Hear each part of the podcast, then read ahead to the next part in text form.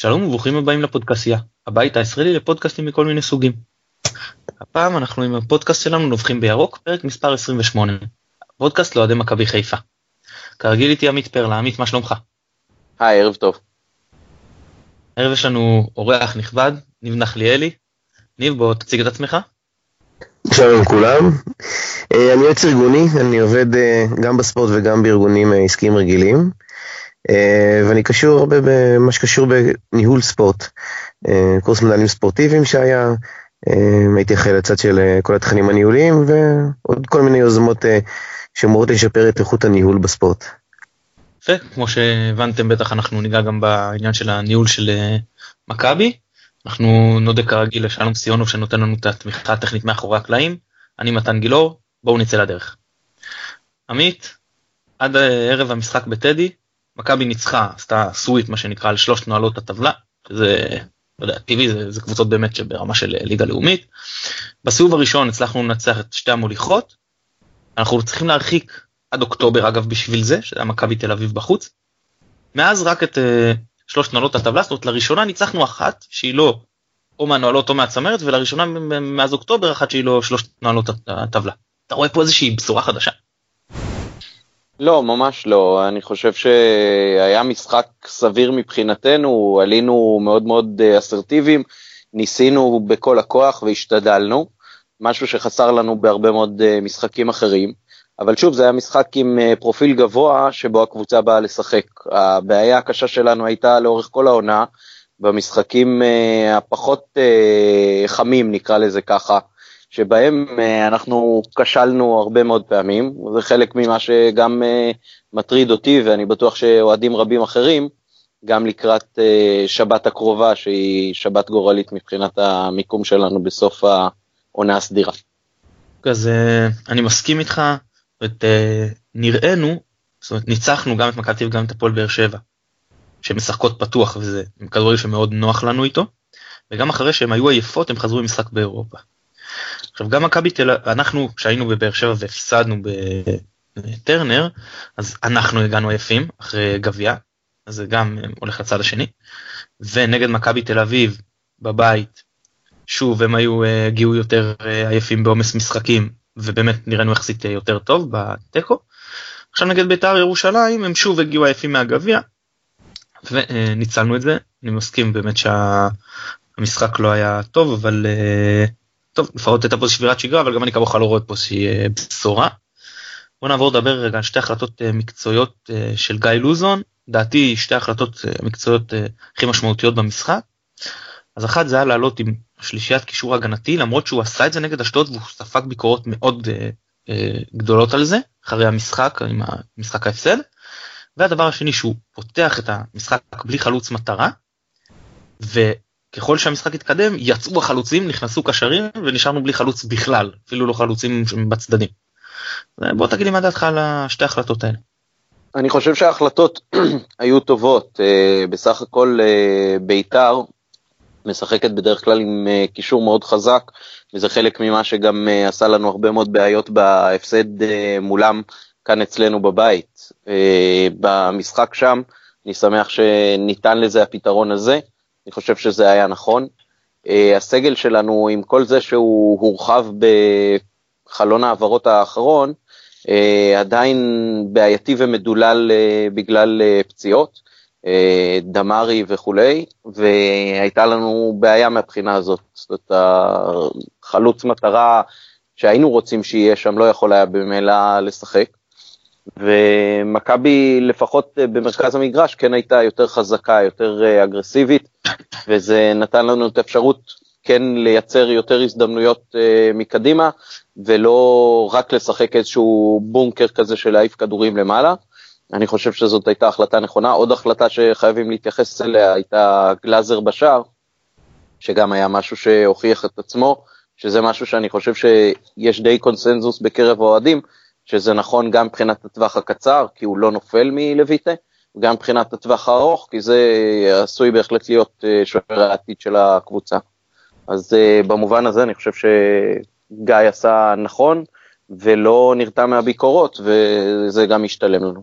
אני מסכים איתך לחלוטין, אה, לגבי השוער, מסכים איתך לגבי הקישור האחורי, שאגב נהנינו מזה, שבית"ר ירושלים פתחה עם אה, קישור פחות מעובה ממה שהיא פתחה אצלנו. ולדימיר פרר לא פתח, זה עזר לנו, זה עזר לנו מאוד עם זה שקמיל ואצק יכל לעזור בשמאל ואני סלוש יכל לעזור בימין מבחינה הגנתית. עצם זה שפתחנו בלי חלוץ מטרה, כמערך, כחשיבה, זה, זה היה בסדר. זאת אומרת, אה, לא יודע אם אני אוהב את זה או לא, אבל בסדר, זה היה מה שאפשר אה, לחיות איתו. אה, ובאמת גילי ורמוט שהוא כאילו החלוץ שקר, לא ממש, אבל הוא באמת הבקיע למרות שזה היה מחוץ לרחבה. אני מאוד לא אהבתי את זה ששיחקנו בלי חלוץ במחצית השנייה, זה הזכיר לי קצת את רוזנבורג ומלמו, שאנחנו מוציאים את החלוץ ואין בעצם למי לשחק, אתה בעצם כאילו מוותר על כל המשחק ההתקפי ומשחק לידיים של היריבה וגם שזנתי וריאן הגיעו למצבים שהם יכולים להכניס כדור לרחבה פשוט לא היה שם אף אחד. אז אה, זו, זו דעתי על ההחלטות האלה אני מאמין שמן הסתם הדברים יהיו שונים לקראת המשחק נגד רעננה. אה, טוב בואו נדבר נעבור לדבר על הניהול בשביל זה הבאנו את ניב לפה. ניב בוא בלי להתייחס פרסונות שהם מאישות התפקידים מהשנה כנראה זה אנשים שלא נשארו חלק כבר עזבו אז פחות אה, רלוונטי. מה לדעתך המודל סליחה הניהולי מקצועי שמתאים למועדון כמו מכבי וכמה מכבי רחוקה משם היום. אני חושב שהמודל הוא נכון היישום שלו הוא קצת בעייתי ואני אנסה ככה להסביר את עצמי. אה, המודל זה כבר הפתרון ואני חושב שצריך קודם כל לשאול מה הבעיה. ואז למצוא את הפתרון הנכון. עכשיו, הבעיה זה לא השחקנים, אני אומר את זה גם אחרי שיחות עם אנשי מקצוע, אפשר גם לראות שחקנים אה, לפני מכבי חיפה, אחרי מכבי חיפה אה, מצליחים, אה, יש משהו שם בתוך הקבוצה שלא עובד כמו שצריך, קושי מאוד גדול דווקא במשחקי בית, שחקני נוער איכותיים שלא מצליחים להתברג בבוגרים חוץ מכמה מעטים. ואני חושב שהבעיה המרכזית במועדון זה היכולת שלו להתמודד בצורה טובה עם הלחץ הגדול שיש שם. עכשיו, לחץ קיים בכל מועדון, מכבי חיפה לא המציאו את זה, אבל יש משהו במכבי חיפה שהלחץ הזה שם הוא גדול, ואני חושב שהאתגר שם הוא לא אתגר ניהולי. אני חושב שזה מועדון מאוד מסודר, כולם מדברים על השיטתיות, ובאמת עובדים בצורה מאוד יפה.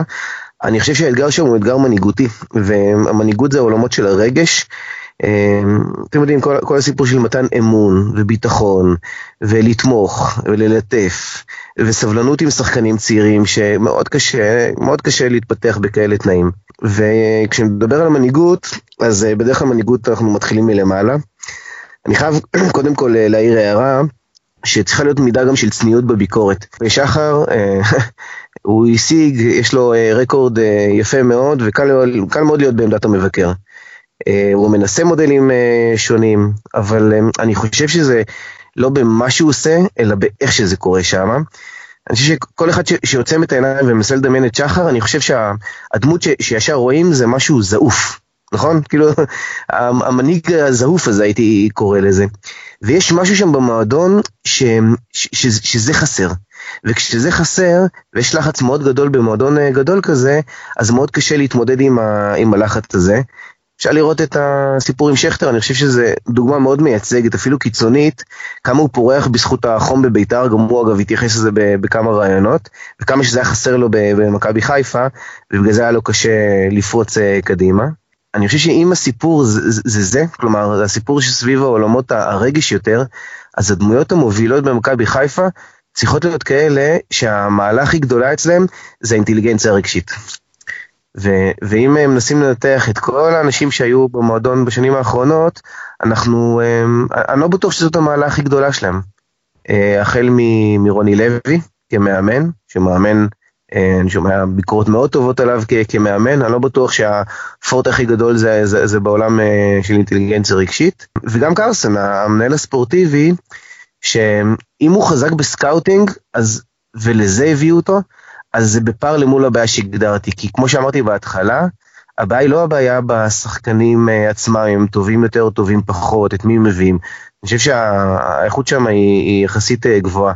ואם זאת הבעיה, אז המנהל הספורטיבי פחות צריך את הפורטו שלו שם ב scouting, אלא יותר במקומות אחרים, שאגב, אם מסתכלים על מכבי תל אביב, שם זה עולמות שג'ורדי קרויף אה, חזק מאוד בהם, כל העולם של האינטליגנציה הרגשית.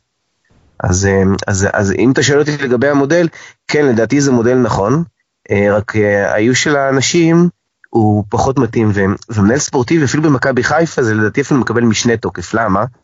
כי אם הבעלים הוא אה, אה, מביא את האיכות שלו, אבל צריך קצת יותר שם להיות ה buffer הזה, מול הפרצוף הזועף, so called, אז אותו מנהל ספורטיבי, הוא צריך להיות כזה שיתפס כאוטוריטה מקצועית מול אה, שחר, ככזה שיש לו אינטליגנציה רגשית מאוד גבוהה להתמודד עם העוצמות של כזה בעלים עם נוכחות מאוד אה, גדולה.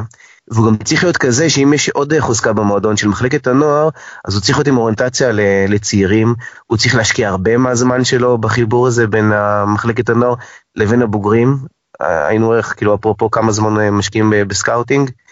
זה, זה, זה בעצם מודל נכון, אפילו עוד יותר נכון במכבי חיפה, רק צריך פרופיל אחר של, אה, של אנשים שיאיישו את זה, ולכן אני חושב שיש בעיה אה, במועדון. הם לא מצליחים אה, להביא את המנהיגות הנכונה, ובגלל זה נתקלים בהרבה מאוד קשיים ושרופים הרבה מאוד כסף על הדברים האלה. אני רוצה רגע לאתגר אותך בשאלה, אתה לא חושב שהדברים האלה קיבלו מענה בסבלנות מצד הקהל ובאישיות המאוד מאוד חיובית של uh, רנה מולנסטין שאימן אותנו בחלק הראשון של העונה? אני חושב שטל בנין, אם אני זוכר נכון, אמר משפט יפה של אה, רנה זה סוג של אה, קצין וג'נטלמן, אז הוא מאוד ג'נטלמן. אבל כ- כמספר אחד מוביל שיכול להתמודד עם הדברים האלה, אני לא בטוח. אגב, מה שאמרתי לפני כן, עמית, הנושא שדיברתם לפני כן על ההחלטה של אה, גיא לפתוח בשער עם, עם, דווקא עם שוער צעיר, אם זה לא היה מצליח לו, הרבה היו תוקפים אותו. ואני חושב שזה סוג של אומץ שצריך במכבי חיפה. אותם הביצים האלה של שלמה שרף בזמנו.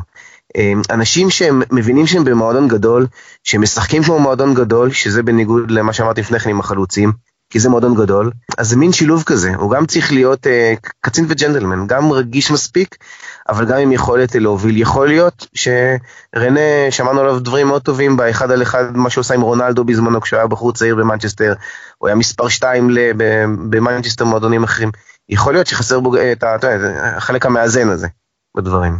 אני רוצה להתייחס רגע לשני דברים. אחד לגבי מה שדיברת על גיא לוזון וההחלטה שלו, גלאזר זה פחות כי כן היה קונצנזוס יחסית בקהל ש...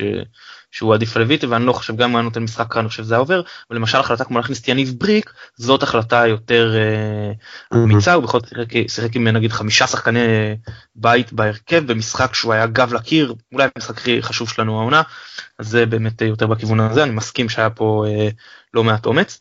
אה, לעניין מה שדיברת על השחקנים וההצלחה שלהם אני מודה שקצת הרסת לי כי יש לי אה, כבר אה, פוסט אה, כתוב בנושא לבלוג שלי הוא פשוט היה אמור לעלות האמת אני הייתי בטוח שאנחנו לא מנצחים בטדי הוא היה אמור לעלות כסיכום למשחק בטדי אז אני בינתיים שמתי אותו בצד אבל אני מאוד מתחבר למה שאתה אומר. יש איכות במכבי נכון יש סגל טיפה לא מאוזן, מאוזן.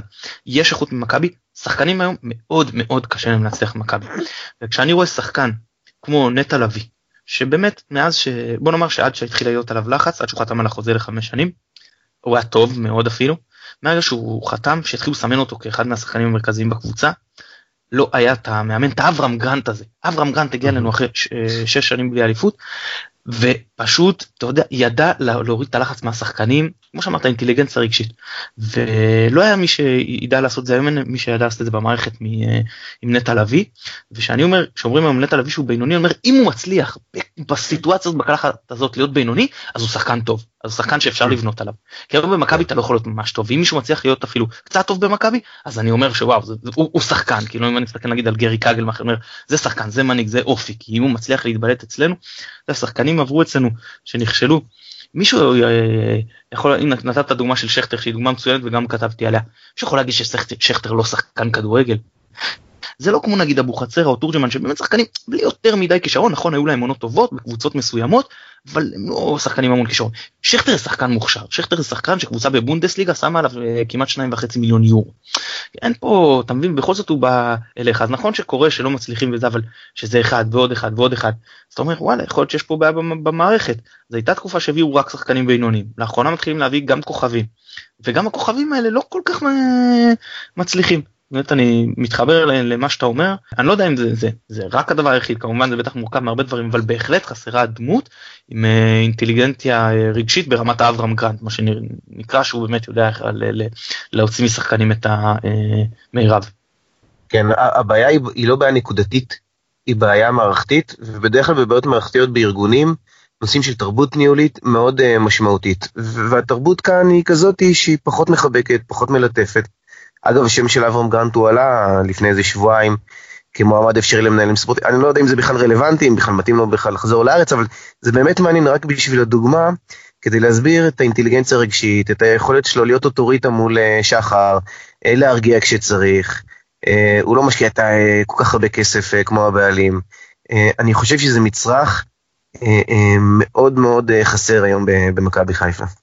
עוד דבר שאני רוצה להתייחס, דיברת על המשחקי בית, שהם יותר מלחיצים, אני אומר, ממש אפשר לראות את זה, נגיד משחק נגד מכבי תל אביב, שהקהל בא וממש ממש דחף את הקבוצה, וראית שהשחקנים משחקים הרבה יותר טוב, נכון לא ניצחנו בסופו של דבר, ספגנו שער בתוספת הזמן, אבל דברים שקורים בכדורגל בטח מול קבוצה טובה. דווקא בחוץ, נכון שזה גם תלוי בסדר משחקים, אבל בחוץ יש לנו אחוזי הצלחה יחסית אה, גבוהים בסיבוב השני. יש לנו ארבעה ניצחונות, אנחנו אה, סך הכל משחקים שם טוב, אני הולך לכל המשחקים, אני נמצא במשחקי חוץ, הקהל לא מפסיק לדחוף את הקבוצה. ואם במשחקי חוץ זה השלושת אלפים, ארבעת אלפים 5,000 שדוחפים את הקבוצה, אז בבית הם נבלעים קצת בתוך ה-20 אלף, שצריך להודות שהקהל אה, באיזה שלב, עמית אמר נכון, הקהל התחיל את העונה מאוד מאוד סבלני. באיזה שלב זה קצת אה, נהרס, והקהל היום מהר מאוד מאבד את הסבלנות, או שומעים בין אם זה שריקות בוז, בין אם זה אנשים שבפיגור נגיד בדקה 70 הולכים הביתה עכשיו אני לא מבקר את האנשים האלה, זכותם לעשות מה שהם רוצים. הם שילמו כרטיס, כל עוד הם פועלים במסגרת החוק, בין אם אני אוהב את זה בין אם לא, זו זכותם. אבל uh, צריך לקחת בחשבון שלדעתי זה פוגע בקבוצה, כי אם שחקן לא משקיע ואתה שורק לו בוז יש פה ערך. זאת יכול להיות שהוא באמת יהיה איך חושבים, אבל אם הוא לא משחק טוב למרות שהוא ממש רוצה, ואתה רואה שזה עניין של ביטחון, אז זה לא יעזור. אז רק לדחוף אותו כמו שאתה רואה שדוחפים אותם במשחקי חוץ זה באמת אה, נותן פה ערך הרבה יותר גדול לשחקנים והרבה יותר יכולת להצליח וזה חבל כי לאורך השנים לקבוצות יותר מצליחות בבית בגלל הקהל יש הרבה מחקרים שמראים את הסיפור הזה. זה במקום למנף את הדבר הזה למשהו חיובי אנחנו קצת אה, התקלקלנו עם זה בסיבוב השני. כן, הקהל של מכבי חיפה זו חוזקה מאוד גדולה, לפעמים אפילו לא צריך לשרוק בוז, לפעמים אפילו שיש את השקט הזה, זה, זה מאוד אה, נוכח, והציפיות הן מאוד מאוד גבוהות. הרבה פעמים יש את המשפטים האלה של אנשי מקצוע שאומרים, משלמים לספורטאי מספיק כסף כדי שהוא ידע להתמודד עם לחץ. הספורטאי בסוף הוא בן אדם, וזה באמת באמת קשה, והציפיות הן מאוד גבוהות, לא צריך אפילו את הבוז הזה, מספיק השקט הזה, שבאמת קשה להתמודד עם זה, לא פשוט בכלל. נגעת, נגענו בקהל, בואו אה, נמשיך עם הסיפור הזה. משחקים באיצטדיון חדש, איצטדיון שכתוב עליו בגדול, איצטדיון סמי עופר. חלקים בקהל של אה, מכבי, חלקים היותר פעילים, אה, מנסים לשנות את השיח, לקרוא לזה שכאלה שקוראים לזה אווירן או אצטדיון אה, חיפה, ואומרים אנחנו לא בן אדם שמבחינתנו בין אם יש כאלה שאומרים כן מחקרים לא מחקרים לא משנה מבחינתנו הוא מסרטן את העיר אנחנו לא הולכים לקרוא לאצטדיון על שמו. כמה העוצמה הזאת שנקראת הקהל של מכבי חיפה. אומרים פה על עשרות אלפ, אלפים שמגיעים למשחקי בית ועוד מאות אלפים בארץ אפשר למנף את זה להיאבק בכל הסיפור הזה של המפעלים שמסרטנים את אה, תושבי מפרץ חיפה.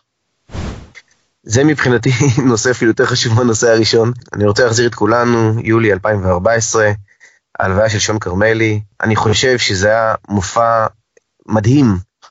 אני חושב שהראשון מסוגו, לפחות ממה שאני זוכר, של כמה קהל יכול להיות כל כך משמעותי בחיבור שלו לקהילה, וזה שהוא עוטף, אפרופו מה שדיברנו לפני כן, שחסר החיבוק, חסר לעטוף איזה מדהים זה היה.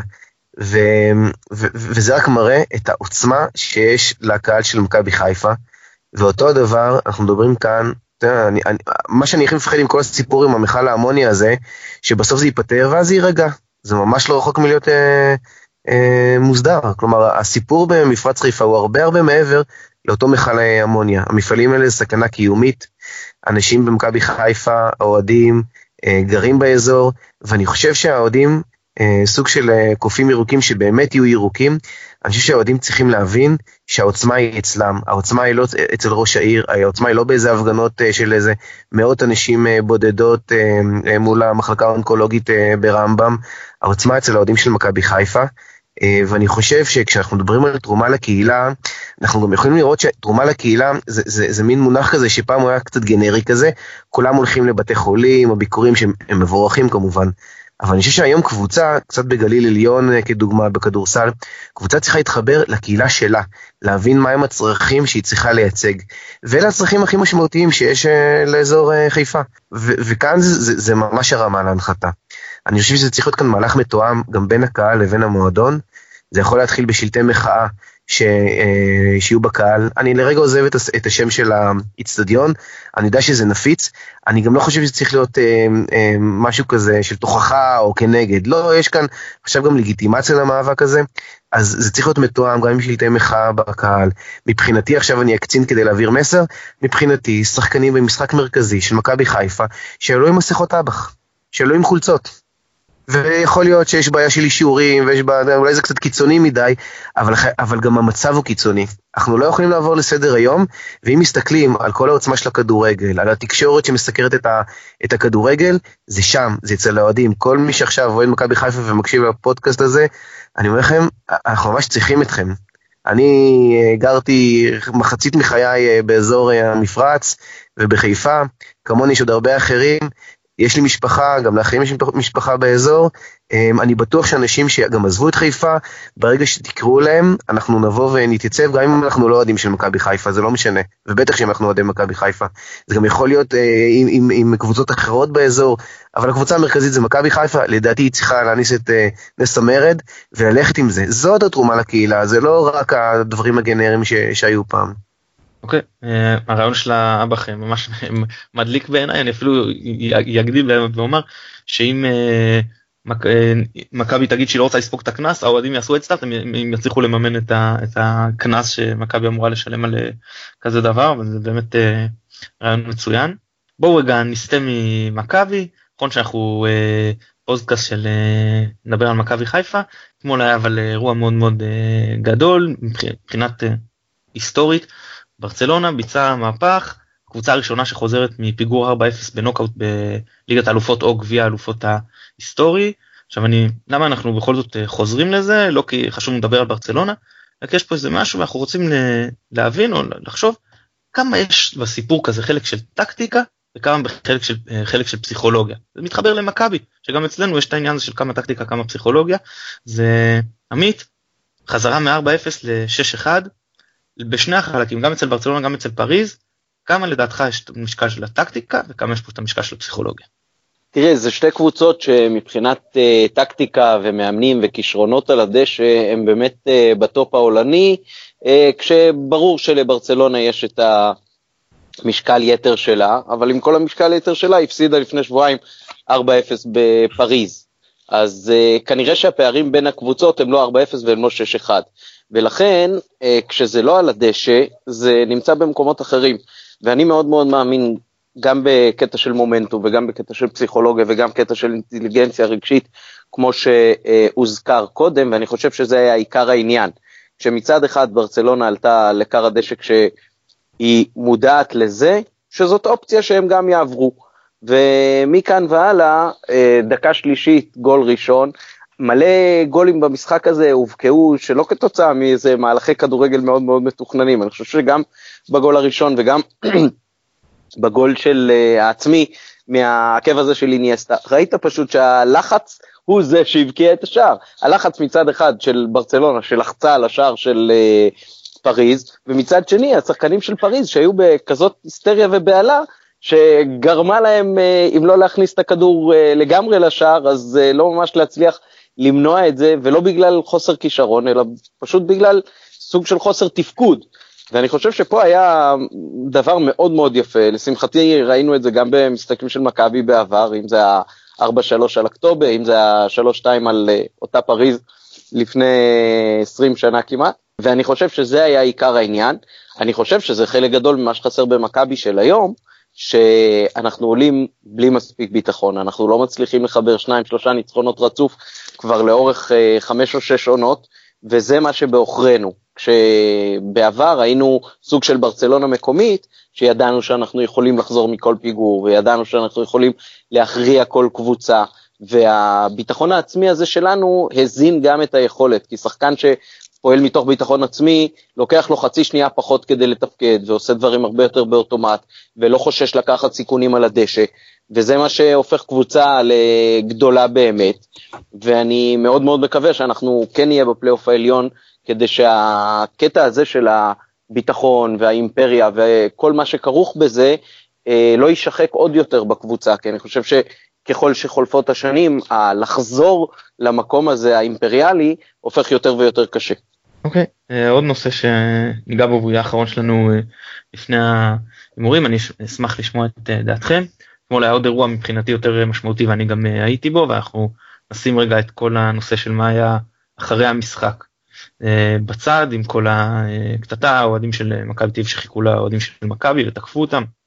אנחנו לא נתעסק עם זה uh, עכשיו זה ברור שזה ראוי לכל uh, גינוי. אנחנו נתעסק מה שהיה במשחק אז קבוצת נשים של מכבי זוכה בגביע המדינה וביחד עם uh, uh, uh, קבוצת הנוער של מועדון הכדורגל. מבחינת התוצאות הם הקבוצות הכי מצליחות. בניגוד כמובן להבדיל כי קבוצת כדורעף כן זה המטרה שלה הקבוצה של הנוער המטרה שלה זה קודם כל לייצר שחקנים אבל לא משנה. זו העובדה. עכשיו היה לנו יום האישה צוין השבוע עכשיו אני שואל האם לא ראוי שמכבי תחדש את ההשקעה שהייתה בקבוצת הנשים בשנים הראשונות לייסוד ליגת העל לנשים בישראל. זו הייתה קבוצת נשים למכבי. זה לא יותר מדי כסף. עכשיו קל לי לדבר. אני לא שם פה את הכסף. אני יכול להגיד שאני קונה מנוי לקבוצת הגברים אבל קבוצת הנשים לא לוקחים uh, כרטיס uh, כניסה ואין פה איזה ערך uh, מוסף לבעלים. זאת אומרת יש פה רק עניין זאת אומרת, חברתי של השקעה גם בספורט נשים. האם דעתכם מכבי צריכה לוותר על לא יודע כמה שזה אומר חצי מיליון שקלים בשנה לדעתי הרבה פחות אבל לא חשוב ולהשקיע ב... בקבוצת אה, נשים. שאלה טובה האמת שאני לא כל כך אה, יודע בזמנו הייתה ליגת נשים ומכבי הייתה מהקבוצות המובילות בליגה הזאת. אתה יכול להאיר את עינינו אם היום יש בכלל אה, ליגה שבה הקבוצה שלנו תוכל להתמודד? יש ליגה בוודאי יש ליגה כאילו משחקת מכבי לא לפי מה שאני חושב מכיר בכלל לא פעילה אבל אם כן אז היא לא קבוצה אה, רלוונטית לתארים. יש ליגה ויש ניסיון גם להחיות קצת אה, שחקניות אה, צעירות. אני לא חושב שיש מישהו שיתווכח שנכון להשקיע בזה. זה, אני חושב שזאת שאלה שהיא, שהיא טריוויאלית, אני חושב שלשחר חשוב גם הכדורגל הישראלי במבט שלם, כלומר לא רק על הגברים.